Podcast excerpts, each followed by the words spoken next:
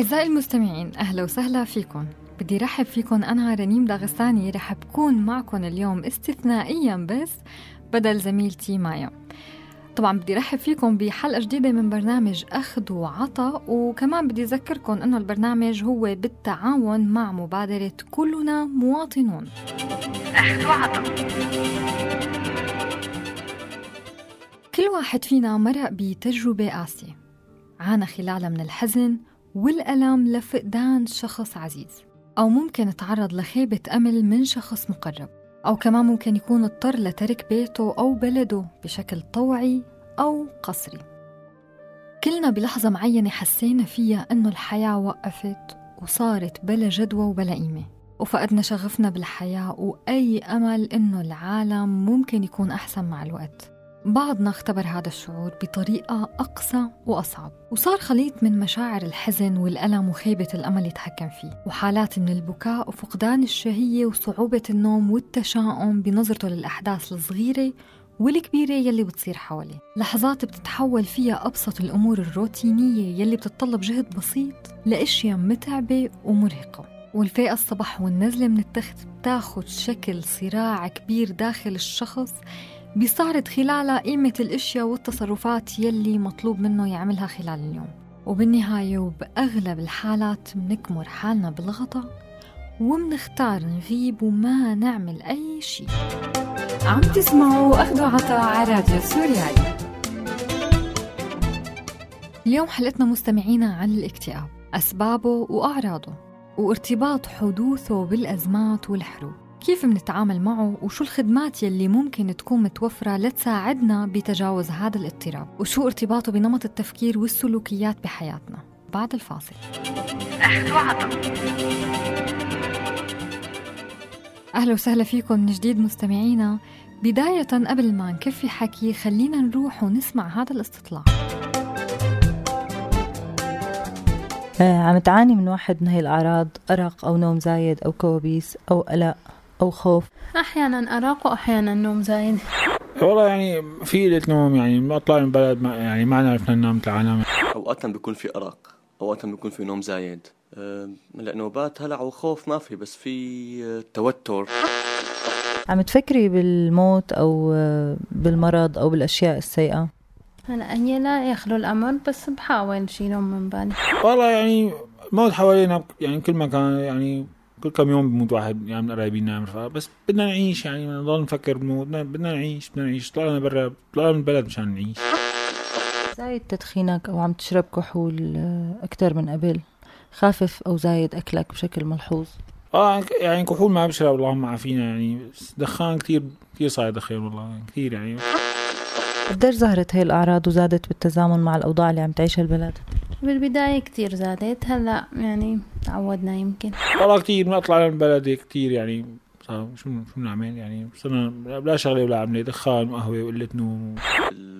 السنة الأخيرة يعني من بداية الأحداث طبعا أي حدا عم يظهر في عنده هالأعراض إجباري نتيجة الظروف بس هالشي زاد عندي بآخر شهرين لأني عم فكر كتير بالسفر. قديش في ناس بتعرفيهم صار معهم وعم يصير معهم مثلك. كتار. يعني في كتير عالم. لهلا أوضاع ما قدرت تتعود حتى بعد ما طلعوا من سوريا. في أشخاص طبعا بالداخل وضعهم من سيء لأسوأ فعم تزيد هاي الأعراض تسبب لهم أمراض حتى يعني. والله كلنا هيك يعني كل اللي حوالينا رفقاتنا قرايبينا كلنا هيك يعني.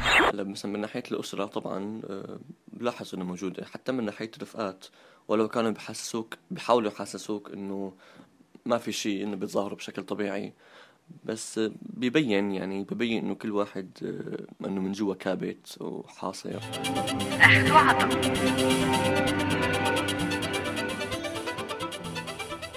يعتبر الاكتئاب من أكثر الاضطرابات النفسية شيوعا بعد القلق وبشكل التعرض له دافع كبير للجوء الناس وطلبهم المساعدة النفسية والاجتماعية.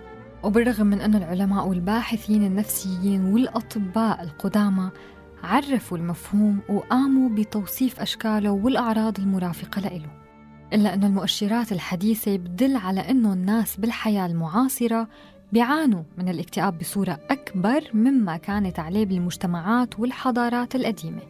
فالإحصائيات بتقول إنه في حوالي 100 مليون شخص مصاب بالاكتئاب واللي بدورهم بيتركوا تأثيرات كتير سلبية على أعداد مشابهة. مع الإشارة إنه هاي الإحصائيات بتمثل فقط الحالات الرسمية ويلي بتوصل لدرجة كبيرة من السوء بتستدعي طلب المساعدة من العيادة النفسية أو حتى المشفى. وبالتالي مستمعينا في أعداد كبيرة من الناس بتعاني من الاكتئاب بصمت. ويمكن ما بتعرف أي شيء عن خدمات الدعم والتحليل النفسي أو الطبابة النفسية. وممكن تكون مانا قادرة تتجرأ وتطلب المساعدة خاصة بالمجتمعات الغير واعية لمفهوم الطب النفسي ويلي بتستهجن أو بتتعامل بسخرية مع الأشخاص يلي بيعانوا من الاكتئاب أو بيسألوا عن طريقة للحصول عن المساعدة بهذا الخصوص. والإكتئاب ما بيقتصر تأثيره على الصحة النفسية. وإنما بيمتد التأثير ليشمل الصحة الجسدية والحياة الاجتماعية للأشخاص يلي بيعانوا منه. وبيتزايد مع الوقت ليوصل لمشاكل صحية بمعناها الصحي والنفسي بين المكتئبين وبتقل فرص شفائهم من الأمراض بالمقارنة مع الأشخاص يلي بيتمتعوا بصحة نفسية جيدة. أخذ أما عن أعراض الاكتئاب فهي مجموعة من السلوكيات والأفكار والمشاعر يلي ممكن تكون مترابطة بحالة وحدة أحياناً واللي بتساعد على توصيف الاضطراب الاكتئابي. من هالأعراض سيطرة مشاعر الحزن واليأس نتيجة فقدان القيمة والمعنى للحياة. وغالبا ما بيوصف الأشخاص المصابين بالاكتئاب حالهم بالفاشلين خاصة بالمجالات يلي بتحمل قيمة حيوية مثل العمل والأسرة. مع أنه ممكن يكونوا ناجحين كتير فيها. بتختلف أعراض الاكتئاب بين الأشخاص فببعض الأحيان بياخد الاكتئاب شكل أحاسيس قاسية تتمثل باللوم وتأنيب النفس وأحيانا بيختلط مع مجموعة من الأمراض الجسدية وممكن يتعبر عن الاكتئاب بمشاعر الحزن واليأس والتشاؤم وكمان الملل السريع من الحياة والناس. هالأعراض مستمعينا كلها ممكن تجتمع بشخص واحد بنفس الوقت.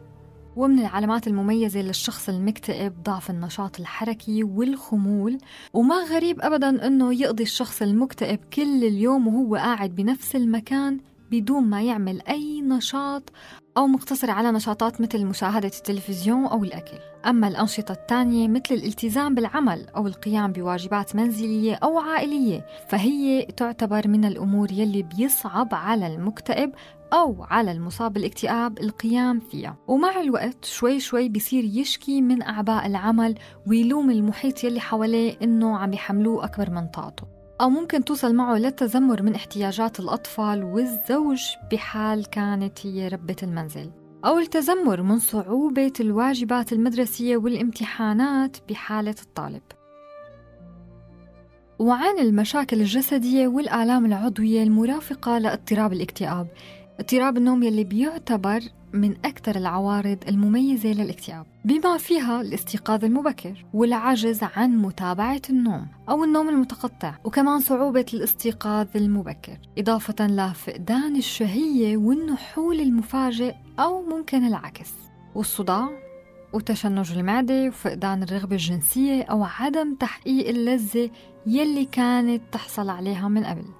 وطبعا مستمعينا بيكون واضح للمحيط توتر العلاقات الاجتماعية بحياة الشخص المكتئب وعدم الرضا عنها مثل علاقات الزواج أو الصداقة وعدم القدرة على الدفاع عن الحقوق والتصرف الصحيح بالمواقف يلي بتتطلب اتخاذ موقف وحزم مع الآخرين. وبيترافق هالشي بشعور بالوحدة وافتقاد لحب الآخرين ودعمهم بالرغم من الميل للعزلة عن الأصدقاء والمقربين. وما بيشترط لتشخيص الاكتئاب تحقيق كل الأعراض السابقة خاصة أنه الفروق الفردية بتجارب وخبرات الأشخاص بتلعب دور مهم بنوع الأعراض المميزة للاكتئاب. فمثلا الأشخاص يلي بيعانوا بطبيعة الحال من مشاكل بدنية مثل وجع الظهر أو الصداع بيميلوا لاكتساب الأعراض البدنية للأمراض الشائعة عندهم. كما أنه التعبير عن الاكتئاب السلوكيات المرافقة له بتختلف باختلاف المجتمعات. فبالمجتمعات الغربية بيغلب على المكتئبين التعبير عن الأحاسيس المرتبطة بالذنب ولوم النفس. أما بالمجتمعات العربية فبتغلب خاصية الشكاوي الجسدية والعضوية على الأشخاص يلي بيعانوا من الاكتئاب. عم تسمعوا أخذوا عطاء على راديو سوريالي. اضطراب الاكتئاب ما بيميز بين شخص مشهور أو غير مشهور ولا حتى بين مفكر أو شخص عادي ولا حتى بين أشخاص بيعيشوا ببلاد بتنعم بنهار مشمس وطويل وبين الأشخاص يلي بيعيشوا بأوطان بيغلب عليها الطقس البارد والمظلم. وهالحقيقة مغايرة للشي يلي كان شائع حول أنه الاكتئاب ظاهرة أمريكية وأوروبية ومرتبطة بالأشخاص المسنين وإنما ثبت أنه بيصيب الأطفال والمراهقين والكبار بالسن. ومستمعينا بسبب اختلاط الأعراض وتشعبها بصير من الصعب علينا نقدر درجة الاكتئاب وخطورته سواء كان التقدير شخصي أو متعلق بشخص من محيطنا. لهيك من الضروري نميز بين نوعين من الاكتئاب لحتى نقدر نتعامل معه بالشكل المناسب. خاصة أنه النوع الرائج له هو الاكتئاب العادي أو الاكتئاب الاستجابي يلي بيعتبر استجابة طبيعية لخبرة حياتية سببت لنا الحزن والألم. مثل الفشل بعلاقة حب مثل موت شخص عزيز أو فقدان فرصة عمل منحتاجه أو منحبه. وبيتميز هالنوع من الاكتئاب بارتباطه بسبب واضح ومباشر واستمراره لفترة محددة ممكن تكون أسبوعين أو أكثر بحسب طبيعة الشخص والمدة كمان يلي بيحتاجها لترميم الأثر يلي تسبب له بالألم. أما إذا استمر الحداد لفترة طويلة بحددها دليل التشخيص الأمريكي بأسبوعين أو أكثر.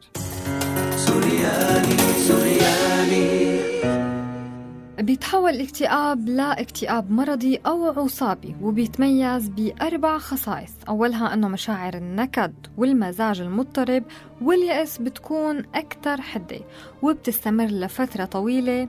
إضافة أنه بيعي الشخص عن ممارسة حياته الطبيعية والروتينية مثل العمل والزيارات العائلية. كما أنه بيتميز الاكتئاب المرضي بعدم وضوح الأسباب المتعلقة فيه وعدم قدرة الشخص على تحديد الأحداث والتجارب والخبرات الحياتية يلي أدت لإصابته بالاضطراب والاكتئاب. وبتمتزج مشاعر القلق والتوجس والخوف من المستقبل والإحباط يلي بتخلي الشخص يصير سلبي وأكثر اعتماد على يلي حواليه. وبيتفنن باكتشاف أخطائه وإعلان ضعفه وسلبياته. وأحيانا بينصاب أشخاص بالاكتئاب بدون وجود أسباب خارجية واضحة وبيتسمى بالاكتئاب الداخلي يلي بيعتبر أخطر من الاكتئاب الاستجابي المرتبط بحادثة معينة. وأحيانا مستمعينا ممكن يتعرض أشخاص لنوع تاني من الاكتئاب. بيجي على شكل دورات متتالية تسبقها أو بيجي بعدها حالات من الهياج والهوس والنشاط الزائد. وهو ما يسمى بالاكتئاب الدوري أو اضطراب الهوس. وخطورة هالنوع من الاكتئاب بتكمن بأنه ما بيسيب بس المشاعر والعواطف وإنما مستمعينا بيمتد تأثيره ليشمل القدرة على التفكير السليم والعلاقات الاجتماعية وتشويه إدراكنا لنفسنا وللعالم المحيط كمان فينا. وممكن يتفاقم هذا الشيء لدرجة أنه بيصير فيه الشخص خطر على حاله بسبب إهماله لحاجاته الإنسانية والحيوية يلي هي مثل الأكل والشرب والاستحمام أو بسبب التصرفات يلي ممكن يرتكبها مثل الانتحار يلي بيمثل قمة العجز واليأس. وبشكل عام بيرافق الاكتئاب المرضي غالبا أفكار سوداوية عن الموت والهلع منه أو الرغبة فيه. ولازم ما نستهين بخطورة ورود الانتحار عند ظهور أعراض ودلالات على الاكتئاب المرضي. لأنه الدراسات بتشير لأنه 15% من المصابين بالكآبة المرضية بينتحروا فعلا. والمريض بالاكتئاب لما بيعبر عن رغبته بالانتحار فهو غالبا بيحاول أنه ينفذها. ومين منا ما بيعرف الاكتئاب الموسمي يلي بيرتبط بفصول معينة من السنة؟ بعض الأشخاص بيكتئبوا بالخريف بعضهم بالشتاء بعضهم بالربيع.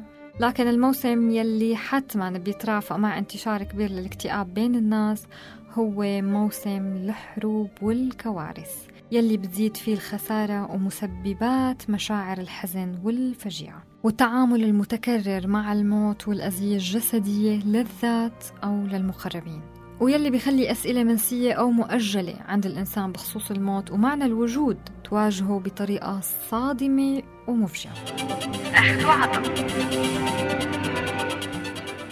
خلال وما بعد الحروب عادة بتصيب المجتمعات موجات من الكآبة المرضية ويلي بتظهر نفسها بارتفاع معدلات الانتحار أو محاولات إيذاء الذات. زيادة المرضى المراجعين للأطباء النفسيين ارتفاع حالات الطلاق زيادة تعاطي الكحول والمخدرات زيادة بنسبة الأمراض الجسدية المرافقة للاكتئاب والاكتئاب المرضي مستمعينا قادر أنه يشل المجتمعات بأكملها. مثله مثل الطاعون والكوليرا. وعانت المجتمعات الأوروبية والولايات المتحدة الأمريكية بعد الحرب العالمية من جائحة اكتئاب اقترنت بالأوضاع الاقتصادية السيئة وبالخسائر الهائلة وبالأرواح واللي سببت مأساة جماعية.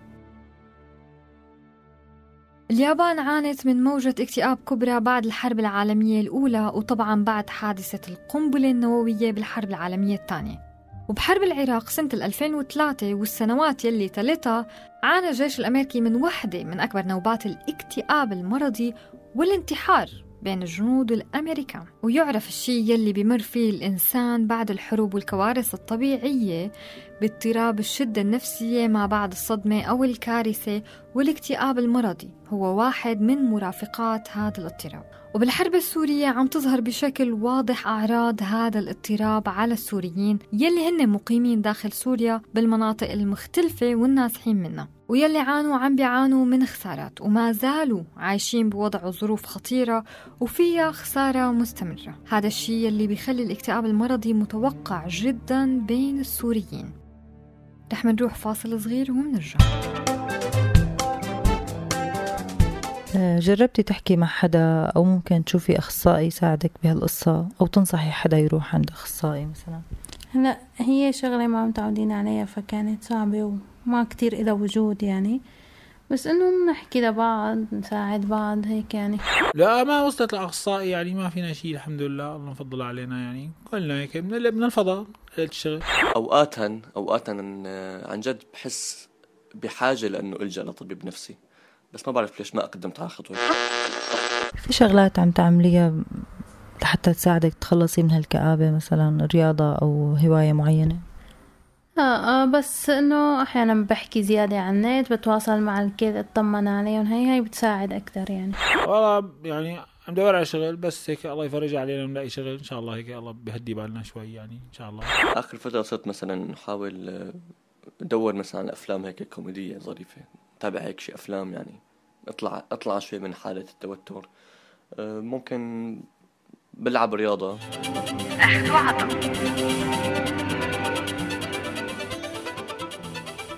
أهلا وسهلا فيكم من جديد.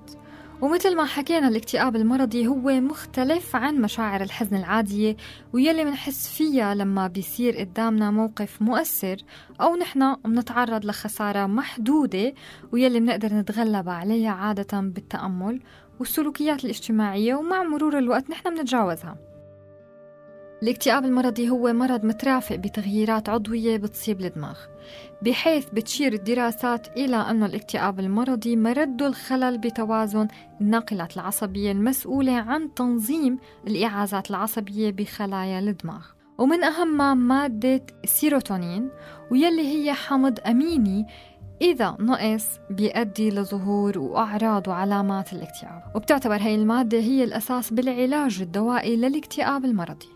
عادة ما بيتكتموا المرضى بالاضطرابات النفسية وخاصة الاكتئاب المرضي يلي من أكثرها شيوعا على مرضهم وبيواجهوه بحالة إنكار بسبب الوصمة الاجتماعية للأمراض النفسية والطب النفسي. ويلي غالبا بتحكم على المريض النفسي بأنه ضعيف الإيمان أو ما عنده القدرة على التحمل أو مصاب بخلل عقلي أو جنون أو حتى ممكن مدمن أو عم بيتظاهر بالمرض. وغيرها من الأحكام يلي بتدل على أنه في جهل كتير كبير بمرض الكآبة ومخاطره في حال تم كتمانه وإهماله. مستمعين التدخل الدوائي والسلوكي لعلاج الاكتئاب هن علاجين بيكملوا بعضهم بحسب شدة الحالة. عادة الدواء بيشتغل على إعادة توازن الأحماض الأمينية لترجع الناقلات العصبية لتقوم بمهمتها. في حين العلاج السلوكي المتضمن تغيير عادات معينة وإدخال عادات جديدة والحصول على دعم معنوي من مجموعات دعم بتساعد كمان الدماغ على أنه يرجع يقوم بمهمته. وأدوية الكآبة لازم تنعطى بإشراف الطبيب وكمان لما بدك تقطعها تقطعها تحت إشراف الطبيب. وإلا ممكن يؤدي الانسحاب المفاجئ لنقوص بالحالة وعودة لنقطة البداية. سوريالي سوريالي. والأدوية عادة بتاخد مدة شهر أو شهر ونص لحتى تبلش تعطي نتيجة ومفعولة بتظاهر عند المريض بتحسن بالمزاج والقدرة على النوم والأكل والاستمتاع بالحياة واستعادة النشاط والحيوية والتركيز على العمل. وممكن يضطر المريض لأنه يتناول الدواء لعدة أشهر أو سنوات بحسب الاستجابة والظروف يلي عم بيعيشها المريض ويلي قد تسرع أو ممكن تأخر بالاستجابة. والعلاج السلوكي مستمعينا مهم جدا كمتمم للعلاج الدوائي واستمراريته بعد قطع الدواء كمان بتأدي لمتابعة الحالة ولا ثبات العلاج. وبيتضمن العلاج السلوكي جلسات استماع وحوار مع أخصائي نفسي لمحاولة فهم دوافع وتحليل السلوك يلي ممكن يكون عم يساهم بشعورنا بالاكتئاب. وكمان محاولة تغيير هذا السلوك. وعادة العلاج السلوكي بيتضمن إدخال عادات إيجابية وتنظيمها بحياتنا مثل الرياضة والتأمل والأشياء المفرحة مثل حضور فيلم أو الاستماع للموسيقى أو لعب لعبة أو ممكن ممارسة هواية يدوية. إضافة لهذا الشيء كمان بيتضمن التخلص من عادات مدمرة للمصابين بالكآبة مثل التدخين وتناول الكحول وكمان تنظيم الطعام وتناول أطعمة بتحتوي على مضادات الأكسدة والأحماض الأمينية يلي بتساعد على تعويض السيروتونين طبيعيا مثل الأسماك الموز القرع. والخضار يلي ورقها أخضر والجزر وغيرها. لكن يلي كتير بيساعد المصابين بالاكتئاب على تجاوز محنتهم هي مجموعات الدعم وهي الناس المقربين والمتفهمين والمدركين لأعراض الاكتئاب. ويلي بيساعدوا المريض عن طريق الاستماع الفعال والنقاش والنشاطات المفرحة وكمان الدعم النفسي إنه يحس إنه ما وحيد. أخذ الحقيقة بيتواجد حاليا بين السوريين أحيانا وضمن مجموعات الدعم نفسها عدة أفراد مصابين بالكآبة. حتى الطبيب أو الأخصائي النفسي مصاب بالكآبة أحيانا. لازم نقدر إنه الوضع المأساوي والمخيف يلي عم يمروا فيه السوريين ما له طبيعي. ومن الطبيعي الناس يمرضوا ويحتاجوا لدعم لما بيمروا بوضع ما طبيعي. مستمعينا المكابرة بخصوص الاضطرابات النفسية ومحاولة تحجيم وتصغير المسألة وعدم الانتباه والاهتمام بأحد أفراد العائلة يلي عم يشكي من أعراض الاكتئاب ممكن يؤدوا لنتائج كارثية وخاصة لما بتكون المشكلة منتشرة بكثرة ضمن الظروف يلي عم بيعيشها المجتمع السوري بكل أماكن تواجده. ولحتى السوريين يقدروا يتجاوزوا هي المأساة ويطلعوا منها أقوى من الضروري يتعاملوا مع الاكتئاب والانكسار واليأس على أنه مشكلة حقيقية وفي إلها حل. ولو أنه حل جزئي بس هو بخلينا نقوى على هي الحرب. يلي انتهائها رح بيكون حل كتير من المشاكل يلي نحن عم بنعاني منها. بنهاية حلقتنا أنا بدي ودعكم على أمل أنه تلتقوا أو تلتقي فيكم معي الأسبوع الجاي بحلقة جديدة من أخذ وعطاء ومن هون للأسبوع القادم كونوا بخير.